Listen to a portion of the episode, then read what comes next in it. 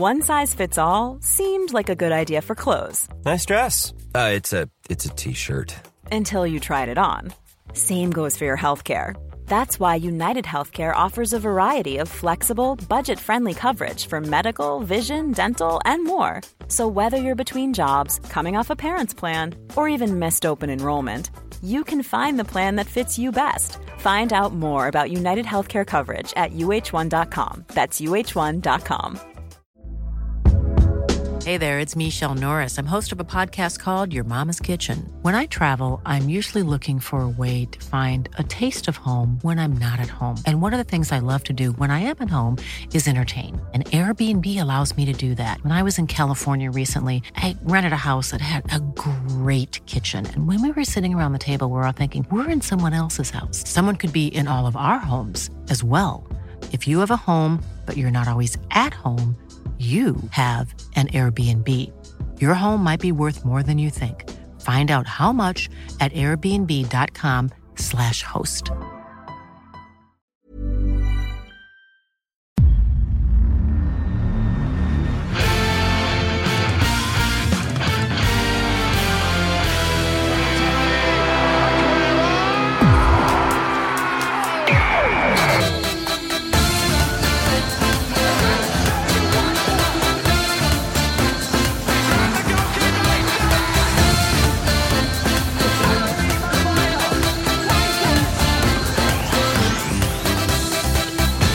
Då säger vi hjärtligt välkomna tillbaka till ett nytt avsnitt av Rule Britannia. Det är eh, torsdag morgon den första februari. Det är eh, dagen efter ett par eh, rejäla sjöslag, eh, dels på Anfield, eh, 4-1 Liverpool mot Chelsea, men också eh, 3-2 Tottenham i en match.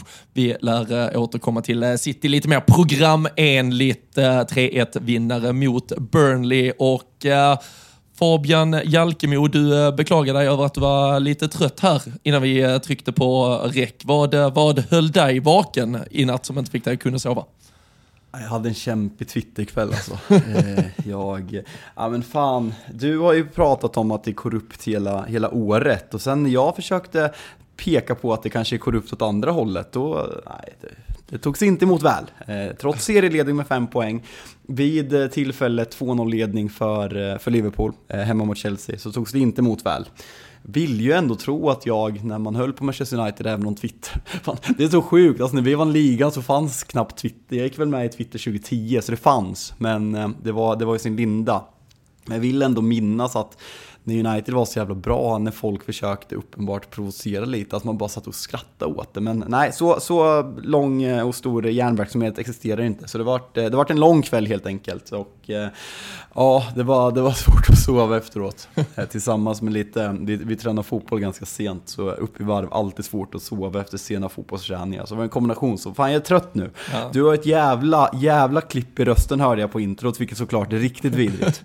ja, jag, jag dop dopad av att ha suttit och gjort en timme LFC-podden uh, nyss också. Tror du att vi pratade... Fan, alltså det, tror alltså vi den, pratade alltså, hellre korrupt... Uh, tror du vi pratade någonting om korrupta domare och uh, straffsituationer där?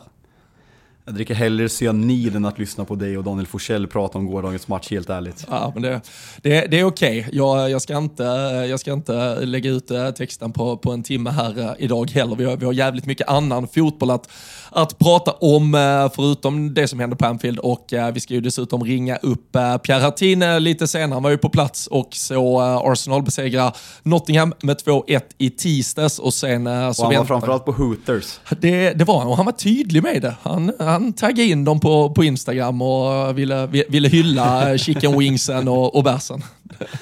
Det är, det är, inte som jag när jag är i Rom och jag går på så här extremt influencervänliga och är väldigt no noga med att geotagga vart, vart jag är. Pierre, ja, men han är öppen med att han är på Hooters, jag gillar det. Det ja, ska jag såklart prata om. Och framförallt den, eh, liksom, i den raka kontrasten till eh, ditt eh, minigräv från, från senast, där familjen Lindelöf kanske inte alltid vill vara öppna med var de befinner sig. Pierre, han, han, han, han bara kör. Han visar gärna upp var han befinner sig. Vilket vi uppskattar med Pierre, så äh, det ska bli kul att ta tempen. Jag skiter ju egentligen i matchen mot, äh, mot Nottingham, för den, äh, den var ju vad den var. Jag ska ju mer, vi ska mer prata om Hooters och äh, restaurangbesök. Så det blir kul att ringa Pierre. Äh, han var ju med i, när Rule Britannia hade ett litet eget avsnitt av LFC-podden förra veckan och ja, han var ganska svag där. Han lärt er hållas, något som jag såklart inte hade gjort. Så det ska bli, det ska bli kul att trycka dit honom nu äh, och kritisera honom helt enkelt. Så, men fan, det, det, fan vad man älskar de här midweek-omgångarna och som vi pratade om senast, fan vad skönt det har varit att Premier League är igång med en helt rullande omgång. Man, man har saknat det och man inser nu när det är igång på riktigt vilken jävla pissmånad januari är. Ja, nej, alltså januari har varit uh, hädisk. Jag, jag tyckte jag var tidig på den bollen när folk... Ja, det var jag som tyckte att det var skönt att skippa United. Det var därför jag envisades med att säga att det var skönt. Men nu, alltså kan man få en midweek och United spela sist och att de kan förstöra ens liv väldigt sent, då, då uppskattar jag det väldigt mycket. Så ska man sitta i livesändning ikväll och se United också kan det bli ännu mörkare. Ja, men det kan vi säga direkt, eh, i alla fall för de som hinner lyssna in det här avsnittet under torsdagen, så, så är det ju så. Ifall någon har missat det så stänger ju transferfönstret ikväll alltså. Det, det heter ju januarifönster, men säkert lite påverkat av just eh, midweeken och, och, lite annat så är det ju ikväll då, först februari, som vi stänger transferfönstret. Och då kör vi via Toto Lives eh, YouTube-kanal, så kör vi live från klockan sju fram till sent, ungefär. Alltid lite flexibel starttid, men eh, dessutom då lite eh, ja, men parallell watchalong. Eh, du, du sitter och sliter ditt hår till Wolves United, så en jävla mysig torsdag, liksom perfekt avslutning för att eh, lite lättsammare tugga ner den här midweeken. Ja, men verkligen. Och en torsdag i början av februari känns det som att man, man, har inte så jävla mycket. Så fan, häng med oss på, på YouTube ikväll. Det blir kul. Det blir jag, Spångberg, det blir Josip i, i studion. Det blir en jävla massa ring, rykta som ringer till Italien, till Wilbacher. Du kommer vara med på länk. Så det blir en jävla superkväll. Så det rekommenderar jag verkligen att ni hänger med i chatten helt enkelt. Och eh, påverkar vad vi pratar om så blir det en mysig, mysig torsdag. Och om inte får ni se mig lidande mitt kära Manchester United. Spelar lite skadeglädje till Liverpools supportrar som varit arga igår exempelvis. Så det blir perfekt. Häng med, häng med oss helt enkelt. Det ska man. Jag är Onana tillbaka i kassan. Ja, ja. jajamensan. Jajamän. Jajamän. Det är klart han är fan Bajindir. Han, han fick Newport borta. Det är vad han fick. Ja, släppte in två självmål. Ja. Första, första skottet kanske är hårt att säga självmål, men det, det, är, en, det är en touch. Det är en United-spelare som är sist på bollen. Ja, nej, så, så, så kan det gå. Det är också en, eh, en jävla fotbollskarriär. Någon som uh, har gjort ett uh, bättre inhopp i januari, det, det är Connor Bradley är det världens bästa högerback. Nej men lägg ut texten, alltså så här, vem, vem är det? Var kommer han ifrån? Har han liksom varit uppsnackad? Och sen fråga nummer två som som jag eh, Vad heter han? Vad gör han? Men... Vart kommer han ifrån? Tala om för oss vem den killen är. Dum, dum, dum, dum. Ja, men, men typ så. Fint att inte bara jag sjunger i podden också. Ja, jag, jag, Ej dumt. Jag tre, tre plus. Ja, tre. Men, men um, hur fan ska ni spela nästa match? Vart ska Trent? Ska jag byta ut honom i fantasy? Det kommer vi såklart inte göra. Men vart ska han liksom in på mitten? Ska han ta Ska han ta Curtis Jones plats på centralt mittfält direkt nu? Är han, är han slut som högerback? Ska han bara gå upp och bli Ska han ta Paul Scholes bara, inga jävla inverterade ytterbackar. Han ska vara mittfält. Alltså bort med dem, Nej, kör bort dem. Hade jag varit centralspelare, ta bort dem! Nej men alltså, eh, du, eh, om, om folk inte fångar referensen så skickade du ut på Twitter för, för ett par dagar sedan. Det var väl tisdagstankar var det väl från eh, Paul Scholes. Ja, det stämmer. Så, så han la ut på Instagram att ja, men han är trött på det här med inverterade ytterbackar. På, på min tid ville han väl referera till. Jag hade, hade en jävla ytterback och då refererade jag till Gary Neville såklart. Hade, hade han kommit upp på mitten och sagt ge mig bollen, då hade man ju bett honom dra åt helvete. Jag är mittfältare, jag ska ha bollen. Och, det, och, och, och, och grejen är att, eh, jag, jag, ska inte gå full-blown eh, 60-talist här, men jag uppskattar egentligen det. För grejen är att Connor Bradley visar ju om vi ska få linda in eh, Paul Scholes eh, tisdagstankar till Liverpools prestationer de senaste veckorna, att nu spelar vi ju ytterbackspel så som vi spelade ytterbackspel när Trent och Robertson flög fram på de där kanterna, när Liverpool var som allra bäst för två, tre, fyra säsonger sedan i vårt ja, men, raka omställningsspel. Vi var extremt snabba ner i yttre korridoren, snett inåt bakåt, det var ju mål och målchans på i stort sett varenda jävla anfall när de involverades att Trent klev upp i den där inverterade rollen under slutet av förra säsongen gav Liverpool en balans, en struktur som saknades när laget framförallt hade ett så otroligt uselt mittfält. Då var det ju inte, det var ju inte ett mittfält med tre Paul Scholes direkt, det var ett mittfält som behövde en Trent Alexander-Arnold som kom in och bidrog med det han kunde göra. Men när ett mittfält fungerar, när ett mittfält dels är så bolltryckt som alltså McAllister, Soboslaj och eh, Jones är och dessutom är så bra på återerövring av boll, då är det väl mycket bättre att den där ytterbacken håller bredden, kommer liksom pulserande fram som en jävla ånglok på kanten. Och det Liverpool gör igår är ju dessutom att man centrerar både Jota och Nunes, så Conor Bradley får ju högerkanten helt själv. Och är ju sen briljant och excellerar på ett sätt som, som i stort sett är overkligt. Att göra 1 plus 2, han har väl 1 plus 5 sen han klev in och ersatte Trent. Nej, det är så sjukt. Nej, men det, är, det är helt bisarra serier. Och det, jag orkar inte ens gå på så här, jämföra med olika spelare, men jag, jag tror han har, han, har, United. nej, men han har fler poäng eh, i januari än vad Wan-Bissaka har sen han kom till United, tror jag. Jag såg någon tweet fladdra förbi. Men liksom, det är ju också olika spelare, men skitsamma, men det är ändå två högerbackar i två på... Det är kul. På, ja. Men det jag vill komma till är ju att Liverpool, det är ju så här Liverpool ska spela. Så Trent, alltså, Trent tycker jag ju nu ska faktiskt titta på Conor Bradley och så gå tillbaka och spela det spelet. Nu vet jag inte om vi kommer välja Bradley eller Trent. Trent. Jag tror fan vi kan välja Bradley. Det kan vara att Trent får sitta på bänken. Jag tror vi väljer samma elva mot Arsenal. Men Trent, om han ska spela, kom istället flygande på den högerkanten. Kom en mot en mot Sinchenko, utmana honom, ta dig förbi, piska de där bollarna in i boxen så kommer du bidra mycket mer än om du står och vandrar upp på mittplan och står med bollen i mittcirkeln. Så, så oavsett om vi väljer Bradley eller Trent framåt, spela i alla fall ytterbackspel på det sättet som Bradley har gjort de senaste veckorna.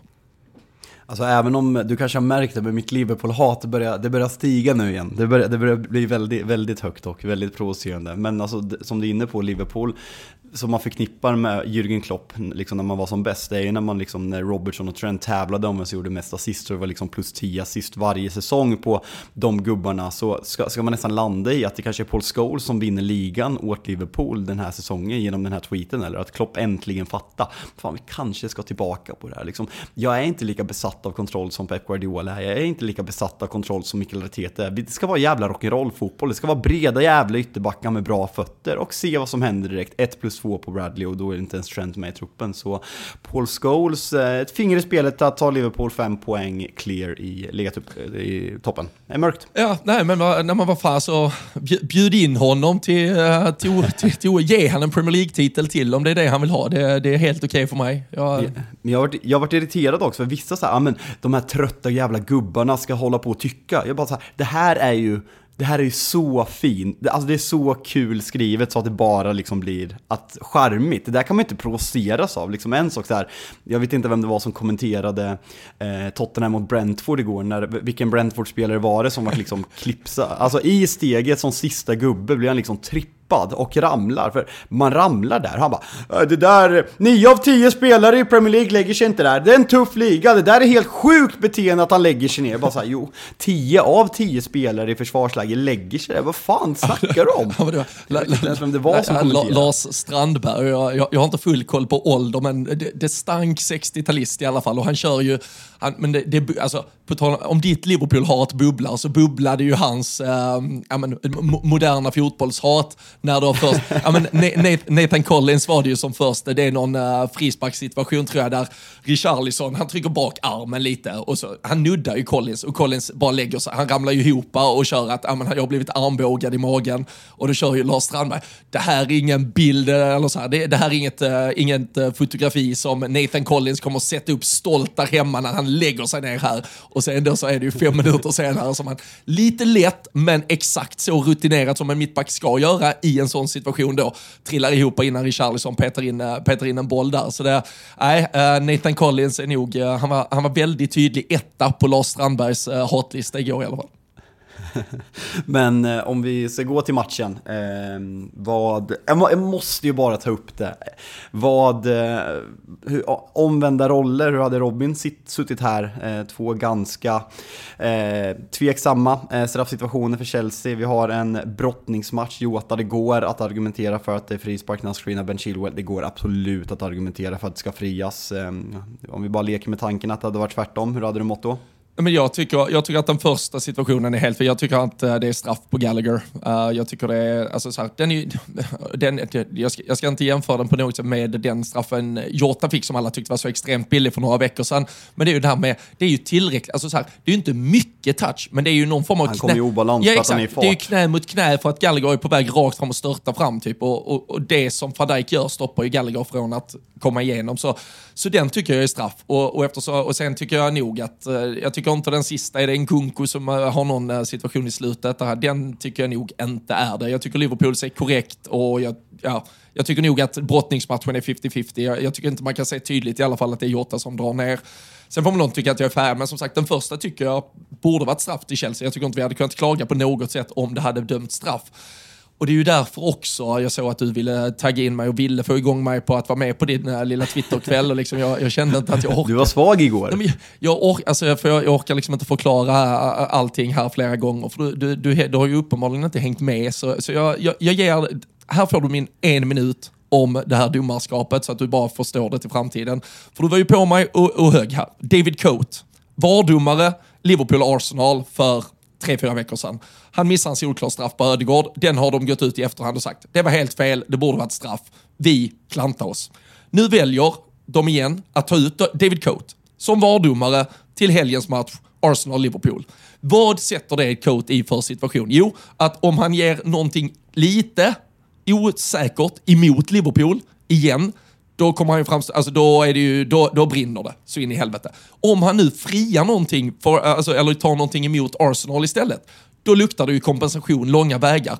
Och jag skriver då, det är fel att ta ut honom. Sen ber du mig, snälla håll käften, prata inte mer om domar. Sen efteråt... Så uttryckte jag mig inte. Sen nu efteråt, om, jag nu, om nu Arsenal får något emot sig här och Liverpool får en fördel av Cole. Det är ju exakt det här jag säger. Välj inte, alltså jag pratar inte om alltså, att många domare är dåliga eller att många domare är hit och dit mot Liverpool. Men välj inte domare som uppenbarligen är i kontroverser någonstans med klubbar. det är för Arsenals skull du gick ut med det här? Nej, men, ja, men för båda men det kommer ju bli fel. Var, hur de än vänder kappan här så kommer det bli fel. Samma med Paul Tierney som har ett så tydligt, haft så tydlig problematik med Liverpool, varit inblandad i så många situationer.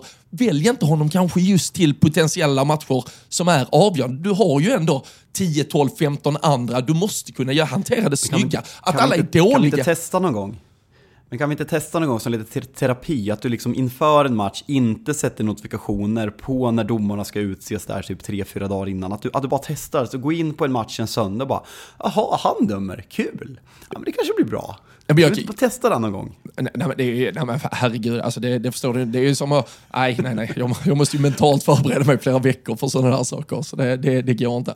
Men som sagt, välj inte domare. Nej, du, ni, ni, ni där ute som vill att uh, vi tycker nu att klaga på Liverpool. Vi väljer inte domare då, som uppenbarligen behövde kompensera för någonting här. Och Paul Tierney känner väl att nu är det Klopps last dance. Nu ger vi honom allting, precis som du är inne på. Nu ska han få detta. Ja, du, All du, skit han har gett oss. Tweet? Ja, jag bekräftar det fullständigt. Nu har vi med oss FA. Äntligen, äntligen har vi FA i båten. Det är så jävla gött att ha FA med sig.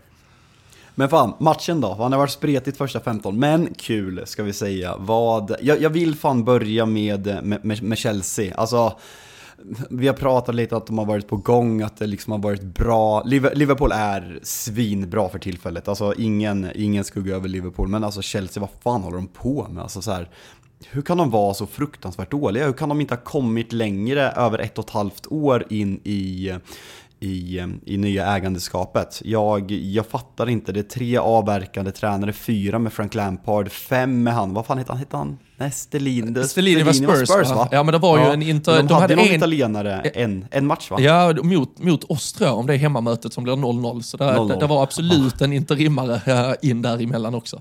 Uh, interim liksom, till men, interimmen, den är fin. Ja men exakt, men var det liksom att fick Chelsea äntligen smaka för att ni, vi, vi pratade om det att ni hade vunnit en eller två matcher senaste tio men det är typ åtta kryss mm. kän, känns det som de här matcherna och ni har i stort sett varit lagmässigt överlägsna alla de här säsongerna och kanske framförallt spelmässigt men inte fått in bollen. Var det liksom att Chelsea äntligen fick smaka eller vad, vad ser du om vi börjar i Chelsea? För det, det är sån enorm klasskillnad den här matchen. Alltså det är en enorm klasskillnad. Ni gör fyra mål mål.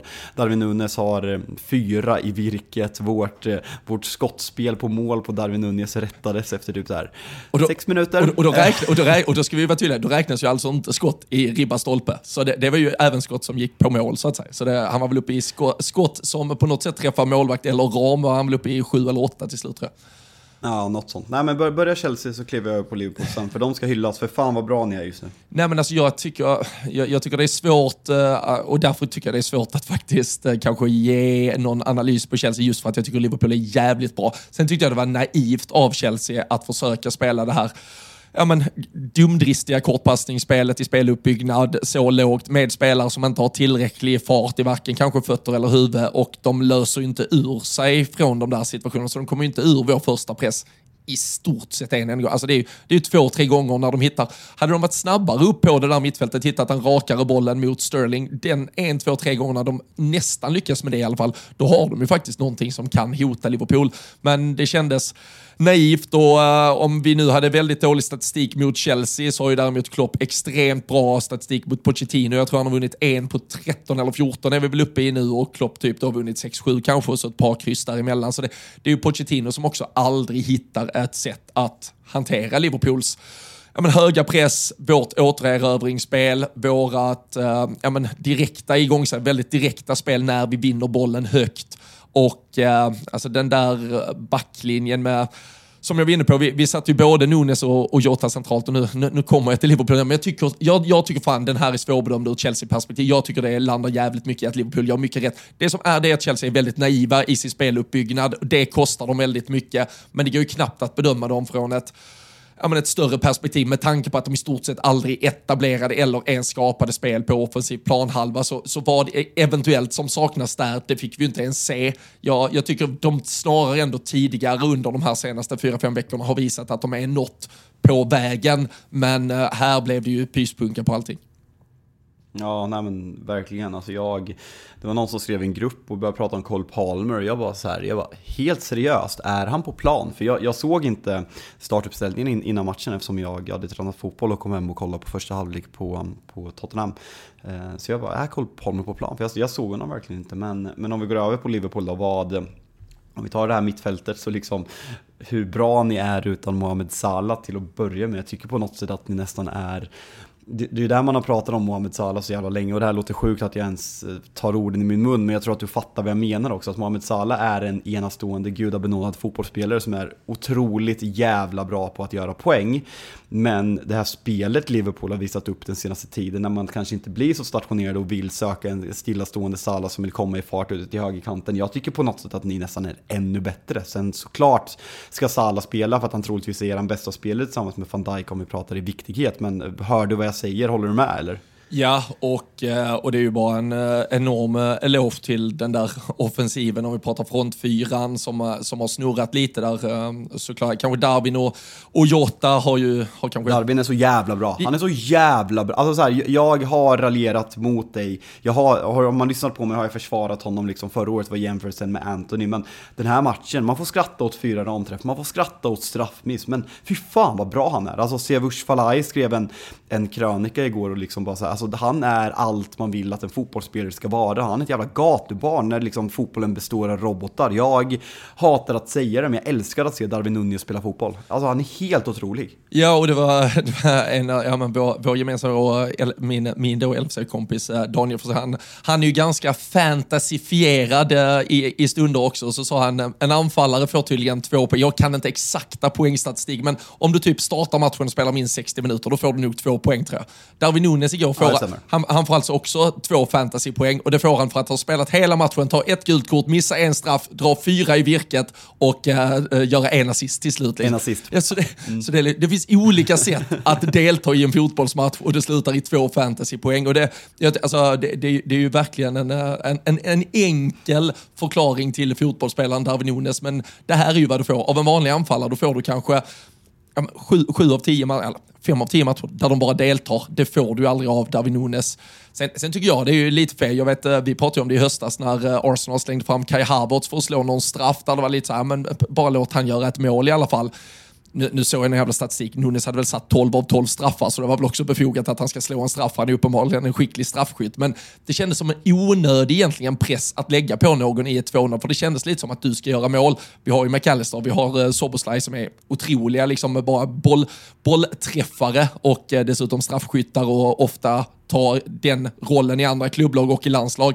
Så det hade väl varit enklare för Liverpool att inte sätta spotlight på Nunes även i straff, äh, ja, vid, vid straffsituationen. Men som du säger i övrigt, vilket jävla paket där. Äh, och äh, tillsammans då med de övriga som du, om vi går tillbaka till Mohamed Salah och avsaknad, jag kikade, sen, sen Salah drog på Afcon så, så har de alltså tillsammans fyra pers där framme bidragit med 11 plus 7 framåt på, vad är det, fem och ett halv, fem och ett halv sex matcher.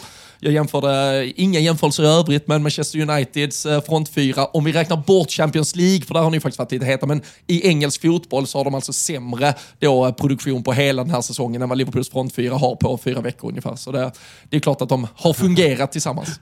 Och, li och litet uppehåll där under de där fyra veckorna också, så det, det, det är klart att det är stökigt. Men vad eh, ser du? Ser du Mohamed Salah starta varenda match in i mål, alltså de som betyder någonting, eller ser du liksom en mer rotation när man visar, liksom, Diogo Jota visar än en gång att han är jag har fortfarande svårt att sätta fingret på, eh, förutom att han är en otroligt bra målskytt. Jag såg Jamie Carragher hade en liten diskussion uppe för någon vecka sedan vem som är Liverpools bästa eh, avslutare i Premier League-eran. Han höll Jota som, eh, som etta och fick även uppbackade liksom procentuellt hur många skott kontra hur många mål man gör. Ehm, ser du liksom Mohamed Salah roteras lite mer kanske? Det, alltså det, är ju, det är så svårt att se hur Mohamed Salah roteras för, för han gör ju aldrig det. Utan är han frisk, vilket han i stort sett alltid är, så, så spelar han ju. Och eh, men lite för, för att prata eller koppla det till situationen med Trent och Bradley, alltså se och lär lite i alla fall av hur vi har spelat anfallsfotboll med de här som har spelat nu. Eh, Jota som har driftat in jävligt mycket centralt. Vi har någonstans eh, ja, men, över, ö, övermannat våra, vårt motstånd centralt eftersom där, där Jota kanske har kommit mer drivande med boll, Nunes med sitt rörelsemönster. Det, det har skapat många ja, men övertag där vi har blivit eh, två mot ett eller tre mot två och vi har eh, tagit oss igenom. Se, se till att Salah inte isoleras så mycket på kanten. Men alltså, jag, jag tror ju att Salah kommer att spela och eh, sen, sen som sagt, sen kanske det finns fler matcher där han kan kliva av i 70 eller 75 om saker och ting inte stämmer. Men att han ska sitta helt frisk eh, på bänken vecka in och vecka ut, det, det kommer nog inte ske. Hur heta de andra? Och går man till Luis Diaz, även om det trillar in mål, trillar in assist, det har inte sett briljant ut alla gånger. Cody Gakpo inte briljant. Nu skulle vi väl snarare kanske trycka ut en Darwin Nunes till vänster och spela Jota centralt och Salah till höger, så är det ju en helt okej okay ja, fronttrio också det är ju så att Jota och Darwin tycker jag ska vara på plan. Ja. Och sen ska det bli kul att se, alltså Diaz bidrar ju med något, han är så jävla pressstark, så jävla jobbig att möta som försvarare eftersom han dels kan göra gnugget samtidigt som att han är jävligt vidrig defensivt. Så det blir kul att se, men just den här reaktionen att tidigare om man liksom har kört fast och Salah blir utbytt i, 30, i 60 så har man liksom idiotförklarat Klopp. Nu kommer det kanske bli mer rimligt att göra det bytet när de har visat hur bra de är även utan Mohamed Salah.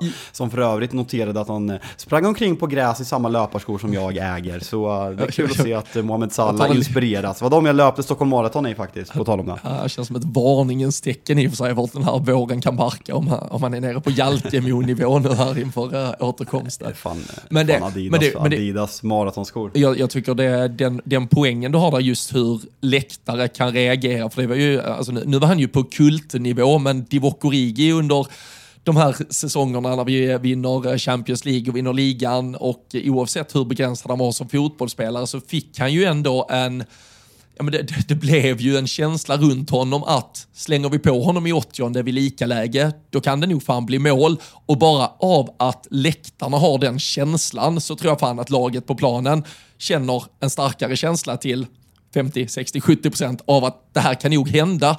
Istället för att det blir en suck från läktarplats och man känner varför gör vi det här bytet? Blir vi ens bättre? Och då kunde vi ju till och med plocka av en Mané och sätta in en Origi eller plocka av en Firmino och sätta in en Origi. Nu kommer vi faktiskt kunna med den här januari månaden i ryggen, plocka av en Salah, slänga på en Nunes om det är han som har börjat på bänken till och så kommer man känna, han kan också göra det istället för att känna att vi blir ett sämre lag. Så det är, det är klart att den här truppbredden återigen som har fått sig en skjuts dessutom i januari kommer att boosta Liverpool eh, ännu mer. Ja, som sagt, jag överväger fortfarande. Jag, jag kollade igår, när, när ni gjorde 4-1 satte jag på Sveriges Mästerkock och mådde genast mycket, mycket bättre. Eh, så jag funderar ju fortfarande på den där att eh, skita och se Liverpool i vår. Eh, kanske inte vore jättebra för podden, men för mitt mående så vore det bra för fan vad ni provocerar mig just nu. Jag vill inte! Nej, absolut, jag, absolut, absolut. Något, du, liksom... något, något annat som provocerar en lite när vi hade full koll på skottspelen kring Darwin Nunes som vanligt och vi hade hade ett eh, väldigt eh, klockrent eh, underspel i eh, Fulham-Everton, så är det att Roberto De Serbi en gång, två gånger, tre gånger per säsong har en eh, total utskjutning eh, i sig och vår trippel satt ju tyvärr därmed inte. Vi hade ju tippat att de skulle vinna borta mot Luton. Det blev 4-0 Luton istället. Så det gäller att vi tar nya tag borta på ATG.se. Vi kommer sätta ihop en trippel här nu i slutet av veckan. Det är ju alldeles strax ny Premier League-omgång och på ATG.se slash Toto tillsammans med lite olika Big Nine-system, både ditt, eh, Olens, vi har Toto-svenskans. ja men tripplar, lite spelrekar, lyssna in spelpodden på fredag, stark rekommendation inför helgen, så finns det ett helt jävla gött eh, smörgåsbord av eh, spel att ta del del av. Så atg.se slash tutto. Där hittar ni allt samlat. Vi skickar ut i våra kanaler. Man måste såklart vara 18 år fyllda och skulle man ha problem med spel då finns stödlinjen.se. Jag, jag tänker vi ska prata lite Spurs från igår, men bara kort för att avsluta kring uh, De Serbi och uh, ja, men, eh, imploderingen i Luton. Uh, 2-0 efter typ uh, två minuter.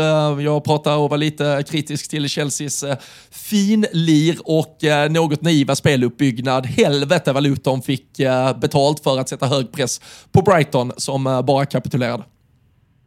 Alltså man, eh, ja, alltså till att börja med är det andra veckan i rad vi bara spricker på Brighton i trippen så det, det är ruggigt surt. Eh, stort hatlag nu och jag såg faktiskt att de har vunnit tre av de 16 senaste ligamatcherna. Ehm, och folk börjar skrika ut bluff på De Serbi. Jag är väl lite osäker om man liksom kanske snarare levererar på den nivån man ska göra med den där truppen. Sen är det liksom en dåres envishet att han, som, som du är inne på, hur dålig en truppen är och hur många skador man än har och hur mycket man än ska spela James Milner och envisas med det, att han vill spela sitt spel har sin charm. Men någonstans när man liksom åker till Luton och torskar med 4-0 måste man ändå sätta ner foten och bara säga det, det, här funkar inte, vi måste göra något annat. Så äh, det, blir, det blir intressant att se, alltså, de har en Europa, en Europa-vår framför sig som de är absolut inte vana med och eh, dubbla på det här sättet samtidigt som de tappar form rejält i ligan. Så eh, vi får se helt enkelt och det är väl lite ett eh, Tror du han känner någonstans att, liksom att det är dags att börja leverera med tanke på jobben som är där ute? Liksom, vi pratar om den här waiting list supreme och det kryllar ju inte av givna tränare för de liksom, toppjobben. Eh, så um, ska påminn mig, jag ska fråga Pierre om det här Mikael, det gick ju ut rykten i söndags kväll efter att vi, sent efter att vi spelade in om Mikael Tetas framtid, att eh, han skulle lägga av efter säsongen likt Klopp och liksom den öppna vägen till Barcelona kändes given. Han gick ut och dementerade det, att han blir irriterad att sprids rykten. Jag ska fråga Pierre om, det, om han liksom är orolig över det, för även om Arsenal är på en bättre plats än Barcelona just nu så Barcelona är Barcelona och är det någon klubb som vet att Barcelona är Barcelona och Arsenal är Arsenal så är det Arsenal-supportrar efter liksom slutet på 2000-talet, runt 2010, där det känns som att halva, halva deras lag värvades till Barcelona. Så vi ska ta tempen kring, eh, på Pierre, eh, lite kring Artetas framtid och se om det finns någon oro Ja, och för Arteta alltså, som är, eh, han är ju fostrad delvis i Barcelona. Jag, vet, jag, har inte full, jag har inte full koll på honom, om han är born and raised. Men han, han, han har gått... inte att han var bask eller? Han är från Jo, ja, men precis. Han är ju därifrån, men sen, och sen har han varit inne och vänt i, om det är redan La Masia-åren eller tidiga ungdomsår i alla fall, i någon form i, i Barcelona. Så det finns ju ett förflutet förflutet. Och jag, alltså, för att knyta säcken kring De Serbi, det, det, det är väl ändå de här matcherna som kommer att göra att man inte riktigt... Alltså, jag vet i alla fall, som sportslig ledning hade jag nog ändå till, alltså för som du säger, visst, han kanske överpresterar något översett över en säsong och spelar en fröjdig fotboll med ett material som inte borde prestera på den nivån man gör. Men, men att kunna krackelera på det här sättet. Eh, vi, vi pratar och du har väl spelare för spelare så kanske Leverkusen är ett klart bättre lag än Brighton, men de låg trots allt näst sist eller någonting i Bundesliga när Xabi Alonso kom in. Och det är inte så att det har värvats för miljarder och byggts ett helt nytt lag, så du kan ju även du kan ju också bygga om ett lag och skapa strukturer som gör att du är jävligt svårslagen och inte bara spelar fin fotboll, så att säga, som, som kanske då mer De Serbio Brighton har, har stått för. Så det, det finns ju någonting i, i någon form av grundtrygghet och strukturer som ändå skapar lite mer vinster än de här 3 på 16 eller vad du sa. Det, det tycker jag ändå är för dåligt om du vill vara en tränare som ändå ska aspirera på de större jobben i alla fall. Så vi, vi får väl se. Men äh, det, på det var liksom, det var, ja, vi har ju hyllat de här jävla äh, matchtiderna på tisdagar och onsdagar. Och det var jävligt skönt att man fick se den första halvleken av äh, Spurs. Man fick man dränerades lite på energi så kunde man luta sig fram tillbaka innan eh, Liverpool-matchen började. Helvete vad det kördes mellan Tottenham och Brentford. Alltså det här är ju peak Premier League, alltså det här man älskar och liksom så här, det, det, det liksom hård banter börjar väl egentligen. Så för, I början är det lugnt, alltså det är liksom rock'n'roll fotboll. Spurs är Spurs och släpper till mycket friläge med sin höga backlinje. Men det är ju efter Mopays målgest när han imiterar eh, James Madison som det liksom börjar. Och sen har, har det liksom Madison går fram och ska liksom klappa honom lite hårt på bröstet. Mopay suger tag i honom, klappar ännu hårdare. Och Nej fan vad det small, alltså de här situationerna med Richarlison, det var liksom hets, det var Brentford flyttade upp hela laget på, på fasta situationer, det var liksom, det, det var typ krig där inne. Eller man får inte säga krig, är det Chris Härenstam som säger att man inte får säga krig? Nej, katastrof. Eller, katastrof. katastrof. Men, katastrof. men, men hade, han hade nog inte heller uppskattat om uh, Tot Tottenham Brentford refererades till som krig i dessa tider, så det, jag, jag förstår det. Men här får man lov att säga så. Ja, tack Robin. Tack att du inte är Chris. Eh, helt enkelt. Nej men fan vilken match det var. Och det var verkligen så jag, jag, vill inte sätta, jag vill inte att den här första halvleken skulle ta slut. Andra halvlek missade jag lite av eftersom jag satt och kollade på, på, på Liverpool-Chelsea. Men satan! Och måste säga, alltså det jag tar med mig väldigt mycket från den här matchen är också att Spurs har blivit ett lag som många liksom blivit förälskade i under Hans Postecoglou. Att de är liksom de spelar enligt sin identitet, de spelar enligt sin filosofi, de gör det vad, vad den matchen visar, även om det är med nio man så fortsätter man, fortsätter, fortsätter. Jag tycker att det är en enorm jävla styrka att man vänder den här matchen när det är ett, om vi får uttrycka oss så, krig på planen, att man lär sig att lida sig till segrar. För det är något jag inte har sett det här Tottenham göra och jag såg också den här sjuka informationen som kom ut igår, att det är typ första segern utan Kane och sånt på plan i Premier League på typ så här 1300 dagar. Alltså det är svårt att ta in hur långt det är. Ja, ja, ja, ja men verkligen. Och, uh, nej, men det, så, och jag, jag hör, det är ju klart, alltså i slutändan vinner Tottenham och då är det ju bara att applådera och, uh, och gratulera till det. Och uh, det är ju klart att det är mentalt starkt att komma ut i den andra halvleken framförallt och göra de första tio minuterna som, som man gör där. Och det visar ju också på, mm, ja men på, alltså, valen de har offensivt nu tycker jag. Jag tycker många bidrar framåt och jag tycker att Timo Werner eh, får man ju faktiskt eh, applådera. Det, det var ju ett par, två, tre missar direkt i början av första halvlek där man kände det, det kan bli en Timo Werner-match det här och eh, målskytt, det, det, kommer han väl aldrig bli av rang, men, men fan vilken spelare han ändå är och hur mycket han bidrar med framåt och, och driver ju upp eh, ja, men både det första och andra anfallet till, till de målen som görs där och jag tycker han i spelet visar att han fungerar jävligt bra i det här Tottenham-laget. Men samtidigt så är det också för, alltså, nu har vi pratat naivt försvarsspel eller kanske naiv speluppbyggnad. Alltså deras sätt att släppa till chanser bakåt kommer fortfarande hindra Spurs från att ta det där sista steget. Har det gått en kvart ungefär när Brentford med någon offside-millimeter hit eller dit och eh, ja, några lägen som man kanske hade kunnat hantera bättre så har man tre eller fyra frilägen. Och det det kan du inte ge alltså Jag vet verkligen, jag, jag, jag har sett ett Liverpool-lag stå högt och jag har sett oss mot skitlag släppa in ett 1-0 mål och du, du orkar inte vända varenda match. Så du, du kan inte hamna i för många sådana här underlägen. Det, det, det, är eh, något, de, de måste hitta balansen. Om det betyder att det är fem meter längre bak med den där backlinjen eller vad det är de ska göra. Men, men så här många chanser, det, det får man inte riktigt ge iväg tycker jag. Sen, alltså, för oss som sitter och tittar på, fine, jag älskade jag Njöt till fullo, men det kommer inte varje gång gå att eh, sen pricka formen i fem minuter och göra tre mål, utan det kommer vara ett par matcher där det du släpper till bakåt kommer straffa sig jävligt hårt. Ja, nej, så, så, så, är det absolut. Vad, vad gör du? Hängde du med på, på Instagram igår efter, efter, efter matchen? Eh, där James Madison och Neil Maupay fortsatte? Alltså jag, jag, alltså Neil Maupay är ju, han är ju, eh, han är ju helt jävla galen. Så, så är det ju bara. Och jag, ja, men jag, nej, och jag hade fullständigt hat. Nej, men alltså det, alltså det brann ju i honom från första stund. Och jag vet, det måste varit när han var i Brighton, tror jag, och det är någon jävla cupmatch, tror jag det är mot Arsenal. Kan ju vara att det är mot Emmy Martinez, inroterad i det där Arsenal-laget, men då, då har han också någon sån match där han bara bråkar och bråkar. Alltså du vet, vad som än är. Bollar, bollar som ska läggas upp till inspark, den ska han springa och flytta. Alltså du vet, det, man vet, nu har det bara brunnit till i skallen på honom och igår var ju en sån match. Han han, kändes Luis Suarez alltså Jag satt bara och väntade på att han skulle bita någon jävel igår. Uh, det, det, han, var, han var inte i uh, mental balans. Sen, sen var det ju det som höll på att liksom ge Brentford någonting från den här matchen. Men uh, du vet, jag kan bara se honom framme. Han har redan bestämt innan att han ska fira med en, eh, ja, men en, en, en målgest som ska störa publiken. Han gör det framför Tottenham-fansen. Du vet, han rev och slet, kastade bort bollar, knuffades, drogs. Nej, alltså jag förstår att eh, Tottenham-spelarna och fansen hatade den jäveln igår, men eh, det var ändå lite uppfriskande att se hur, hur sjuk han var. Ja men det, det piggar ju verkligen upp. Alltså, så här, vi, vi, sitter och klagar på liksom, nu blir Manchester City får ta skott på det här, liksom robotar, liksom Rodris, Bernardo Silvas, det är liksom känslolösa, alltså maskiner som vet exakt vilken millimeter på den här fotbollsplanen de ska springa när den spelaren har, har bollen på den positionen. Så jag tycker jag verkligen piggar upp. Och bara för att dra en recap av vad som hände på Twitter, efter, eller på, på Instagram efter matchen är ju att James Madison fick ju frågan om det här efter matchen och då pratade han om någonting om att jag trodde att Maupay, han, han, hade han gjort tillräckligt mycket mål så hade han behövt en, en, egen målgest, en egen målgest. Sen lägger ju Madison upp en bild på Maupay när han gör Madisons målgest på Instagram och skriver “Short story, come on you Spurs”. Varpå Maupay no, några minuter senare lägger upp också en bild på sin egen målgest trots förlust och skriver “Went a bit early with that one. Gutted we could get, get the win. More goals and less re relegations in my career than James Madison. We go again.”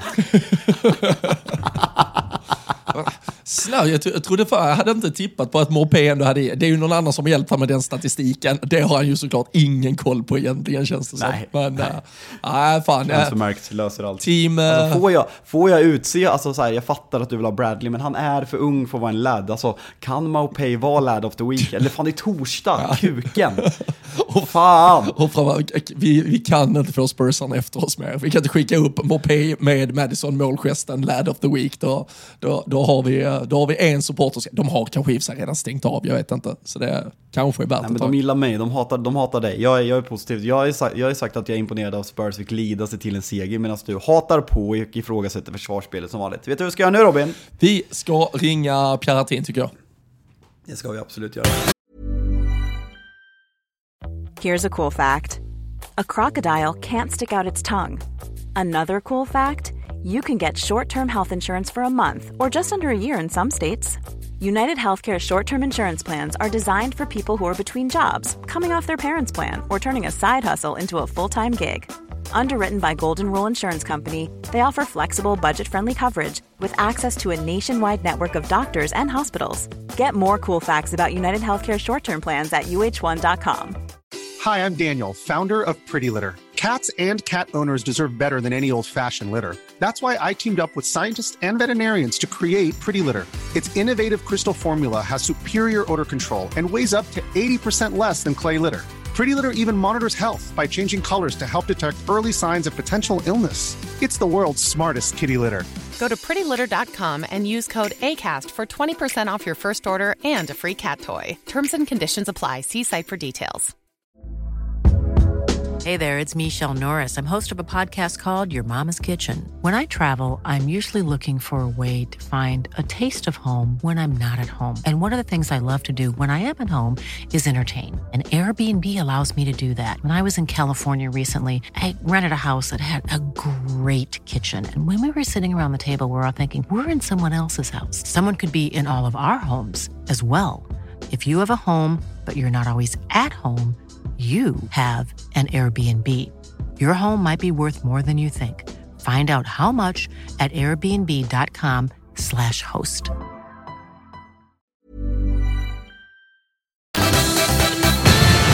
Yes, då har vi med oss uh, hemkommen från uh, Nottingham för att, uh, ja vad gör man? By byter lite underkläder i väskan, Pierre, sen packar man om den och piper till London igen om några dagar. Hur, uh, hur är läget?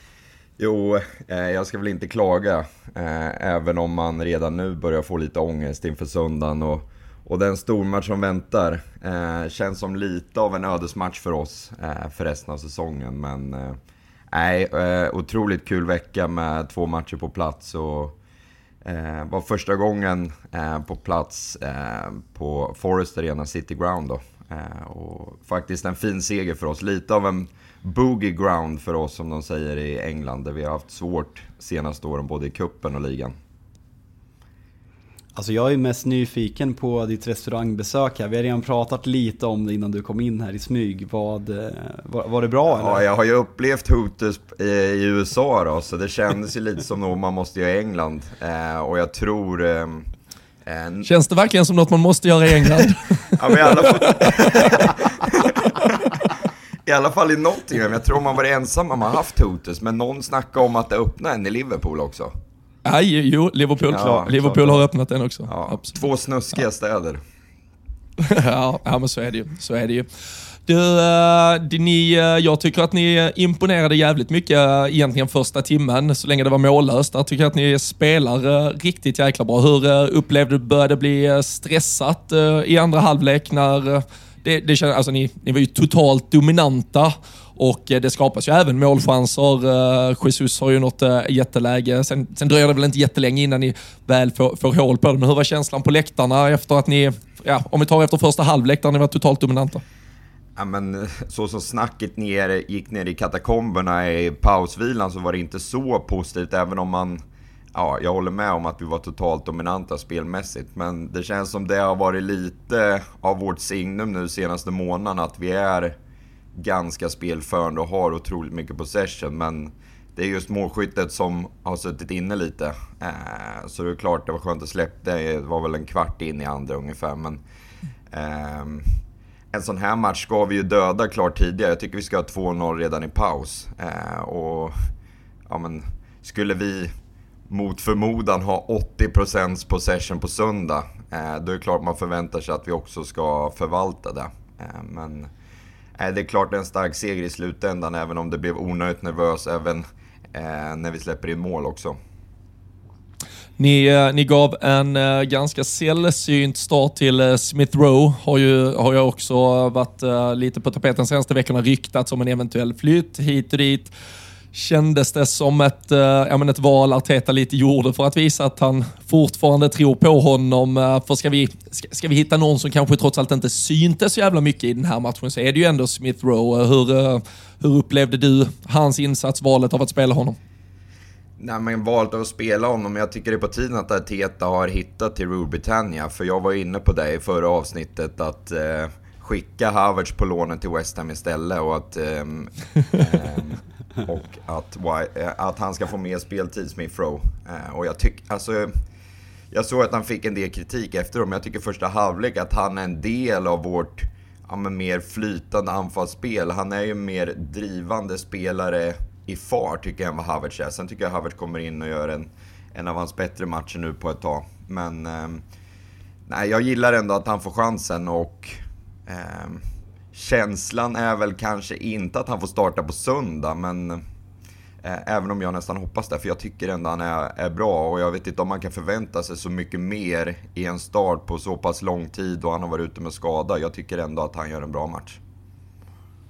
Alltså två frågor egentligen. Om vi börjar på att prata om, liksom, om vi kallar det Xhaka-positionen. Vad, vad liksom ser du för framtid? För det har ju varit ett problem för Arsenal egentligen hela den här säsongen. Alltså, ni har kanske varit bäst när Thomas Partey spelade, om än att det har varit väldigt kort han spelade. Kai Havertz hade en period när han var bra, men jag tycker att han har visat att han är han nia? Nej. Är han vänsterytter? Nej. Är han åtta? Mm, troligtvis inte. Smith Rowe, väldigt skadedrabbad och liksom inte redo för att liksom lasta den där positionen. Liksom, vad ser du den ta vägen? Och sen även vill jag höra hur du tänker. Jag har varit lite chockad när Martinelli startar den här matchen. Även om man kommer in och gör två sena mål, liksom identiska 94 och 95 senast. Jag tycker att Trossard, som vi har efterfrågat i Martinellis lilla formdipp den här säsongen, var riktigt bra. Jag kommer inte ihåg vilka, vilka det var ni mötte på rak arm nu, men den där 5-0 mot en Pallas eller? Eh, jag tycker att eh, Trossard var riktigt bra, så jag varit lite förvånad över att Martinelli startar den här. Hur ser du på rotationen mellan dem? Nej, men det är ju frågan om det på samma sätt är som rotationen eh, Smith Rowe Havertz. Men jag har också, om man börjar med den delen på mittfältet, så, så känns det som att i en sån här match måste du ju rotera den trean blir det då på mitten lite och skruva på den. För Smith Rowe är ju inte lika sittande som om vi hade haft Party startat tillsammans med Rice. Eh, men samtidigt så, ja, beroende på vilka vi möter så blir vi lite för offensivt balanserade om du ska ha Smith Rose över iväg med Ödegård framåt också.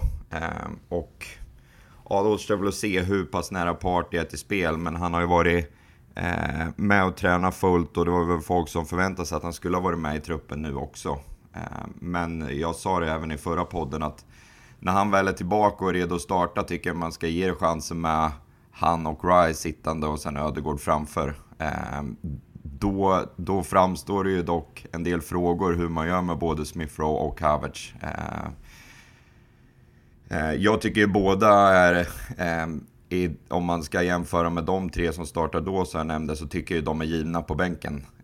Jag tycker inte de är så pass bra att konkurrera med de tre i full form. Men ja, återstår att se om vi får den lyxen att, att ha alla de fem att jämföra med då.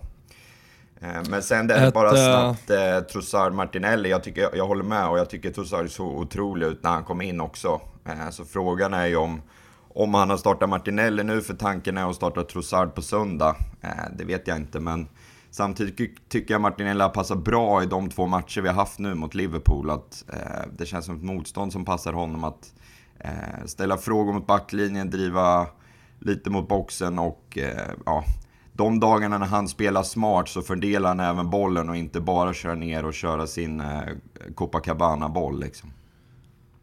Ja, nu, eh, nu har han ju mött eh, Trent eh, tidigare. Nu är det ju Conor Bradley du vet som har stängt igen den där högerflanken så det blir lite tuffare för Martinelli framåt. Men fan lite tecken på truppbredd verkar det nästan som att du är inne på. Jag måste ju säga, det är ju imponerande av er också med tanke på två jävligt bra målvakter. Så har ni dessutom placerat er tredje i målet för Nottingham där med Turner. Kvar på lönelistan eller? ja, men han är ju uppvuxen Arsenal-supporter så det är klart han, de där benen behövde säras lite på när det började närma sig stressen för oss. Så Nej, en fin gubbe faktiskt. Han har gjort mycket för oss genom åren.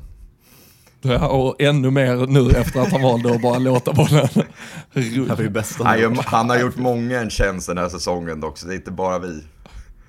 Ja, är, du, är du med på min, uh, min, min spaning här för ett par veckor sedan, att han, han är ligans sämsta målvakt i alla fall? Ja, jag håller med. Men han har även sån han har sån svag karaktär och sån svag... Alltså han, man ser hur han, när han ställer sig i mål, det är verkligen vad som helst kan hända. Hade man spelat den där backlinjen hade man varit skakig direkt, bara man ser att han står där mellan stolparna. Men nej, jag, jag snackar med, jag har några polare som är, engelska polare som följer Forrest och de bara, kan vi snälla bara få skicka tillbaka honom, vad gör han här? Och då snackar vi en klubb som Forrest liksom. Och det, ja, nej men en fin gubbe är han i alla fall tror jag. Det, det, är inte samma karaktär som er andra, förra andra målvakt som står och mål i villa nu helt enkelt.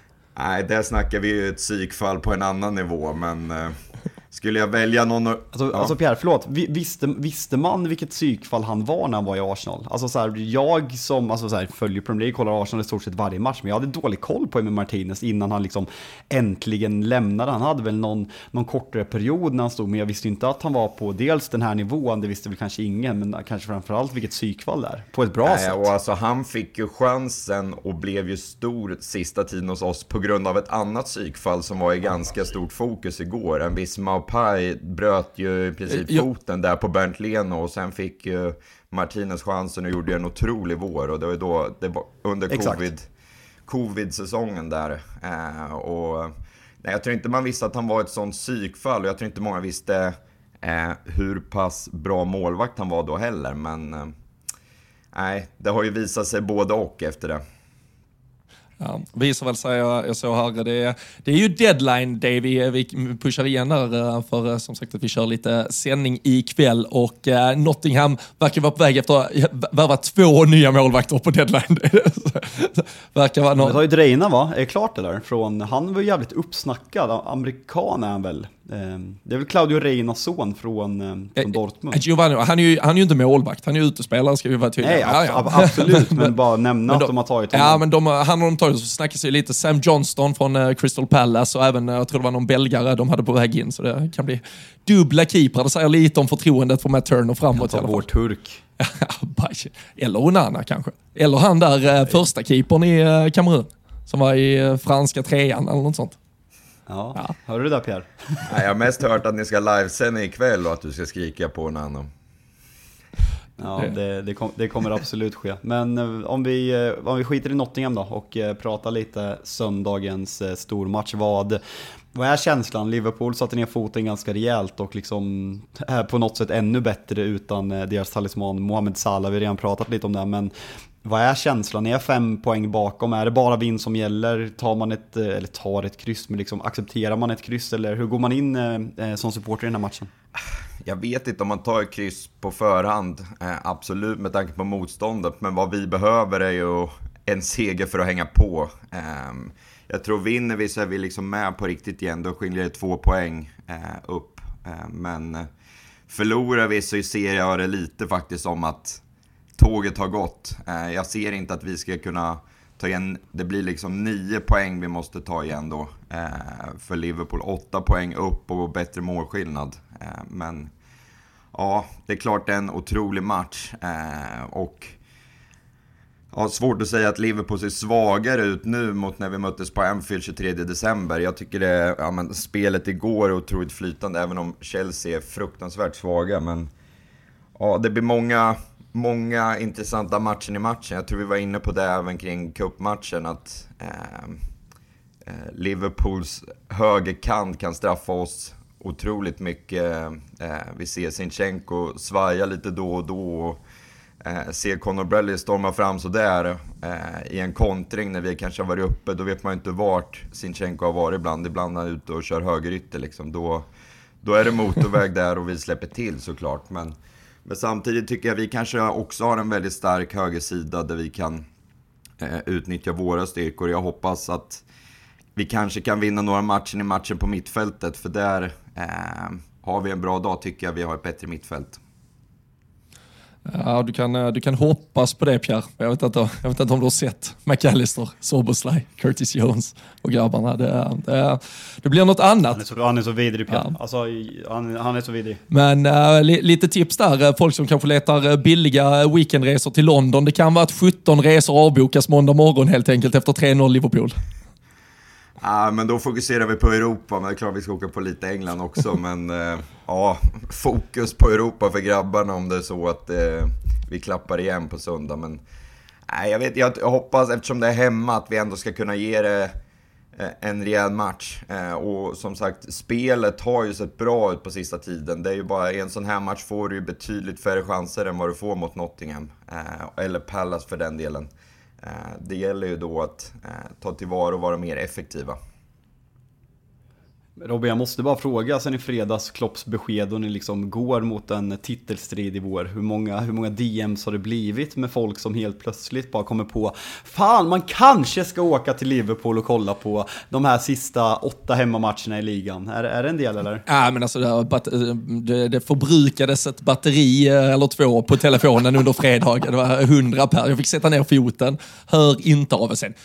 Och det, och det är ju sinnessjukt, alltså, men det, det, det, är den vackraste varianten av utbud och efterfrågan i alla fall, om man nu eh, tycker att eh, det är vägen framåt. För helvete vad priserna också har stigit. Det, det var någon biljett, för det ligger på 300 000 till sista matchen mot uh, Wolves eh, på, på hemmaplan där. Men uh, jag kan inte lösa några biljetter, jag kommer inte hjälpa någon. Jag ska bara försöka se över mitt eget hus här framåt. Ja, men det är roligt, för ni har ju orsakat en del att folk är inne och söker på min LinkedIn och googlar på jobb och så vidare. Men, men jag, har även, jag har även fått DM om Liverpool-biljetten och jag fattar inte vad folk tror att jag ska kunna gräva i där. Det Nej. Jävla sidoverksamhet du har alltså, alltså, alltså, jag, alltså jag reachar ju out här, liksom, om det är något eh, liksom, resebolag som lyssnar på det här. Alltså jag, Robin och Pierre, alltså att ni får den här kombinationen.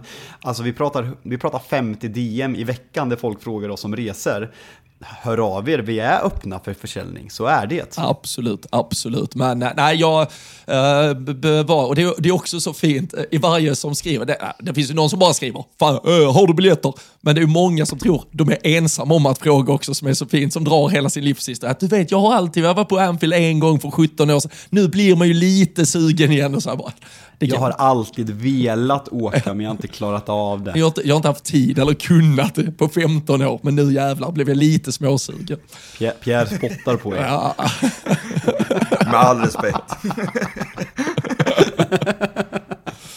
Men, äh, för fan. Men vad, äh, vad tror vi om äh, matchbild? Det var ju, äh, går vi tillbaka till äh, fa Cup-mötet för ett par veckor sedan så var det ju fram, alltså de första 20-25 minuterna från er där, det var ju bland det svettigaste man sett där. Där borde det vara typ 3-0 er. Ja, nej men absolut den fa Cup-matchen, om vi går tillbaka dit så jag tror vi kommer få se en annorlunda matchbild. Ehm, I den matchen känns det ju som att vi är med laget som vill vinna. Ehm, och det är en match där vi verkligen är ineffektiva. Ehm, var precis inne på det då, att vi kommer inte få lika mycket chanser i den här matchen. Och absolut inte denna gång mot Liverpool. Så nej, återstår att se vem som eh, vinner matcherna i boxen. Eh, för jag tycker det är lite av spelet vi har saknat. Eh, kolla första halvlek senast, hur mycket boll vi har och hur vi kanske kommer in eh, längs med kanterna. Men när vi kommer in i, i slottet, som man säger i hockey, så ser vi väldigt svaga ut. Och hur valen av avslut ibland måste ifrågasättas. För det känns som vi går på avslut eh, i ett läge där vi kanske haft två bättre chanser innan. Så Ja, skulle... vi har lite att jobba på där. Ja, jag skulle precis säga att man brukar ju kanske ibland kritisera lag för att ta för tidiga avslut. Jag, jag är ju mer på den banan du är inne på. Ni tar ju för se, ibland är det tre, fyra passningar i, alltså in i målområde i stort sett ni vill in och, och jobba med. Det känns lite överarbetat. Jag vet inte om det är något Arteta alltså, har tryckt så mycket på så att man blir lite förstörd i skallen. Men det känns som att spelarna borde kunna ha lite mer tro på sig redan när man tar första, andra, tredje steget in i boxen och ta det där avslutet i bortre hörnet. Ja, absolut. Eh, och speciellt när vi möter ganska lågt stående lag så känns det som att ja, alla som har spelat fotboll vet att man allmänt ska försöka luckra upp ett lågt stående försvar med att ta, ta avslut från distans och ta avslut från ja, tidigare lägen. Eh, men det är just, just det som du säger tycker jag har varit lite... Eh, ja, gå bara en månad tillbaka kan du hitta det nästan i varje match. Och eh, en av anledningarna till att Eh, vi har haft svårt att avgöra matcher tidigt tycker jag.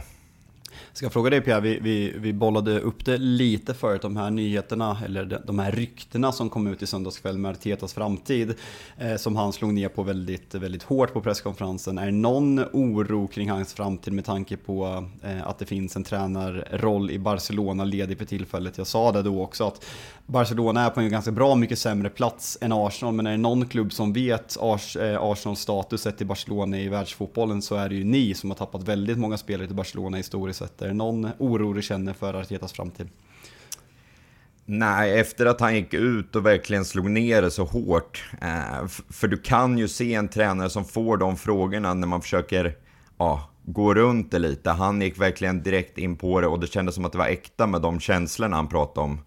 Samtidigt tror jag han på en längre sikt eh, absolut vill se sig själv i Barcelona, att komma hem på det sättet. Men, men jag tror inte han är klar. Jag tror han, precis som jag, är otroligt besviken av hur förra säsongen eh, ja, blev som det blev i slutet. Eh, med tanke på alla förhoppningar och, och den tro som byggdes upp. Eh, så jag tror han verkligen vill ha fler titlar än, än den FA-cupen han har. Eh, och jag tror han, han ser sitt projekt som ja, något som har några år kvar eh, åtminstone. Mm. Fint att han körde lite Trump-referenser också, pratade fake news i alla fall. Det tyckte jag piggade upp lite.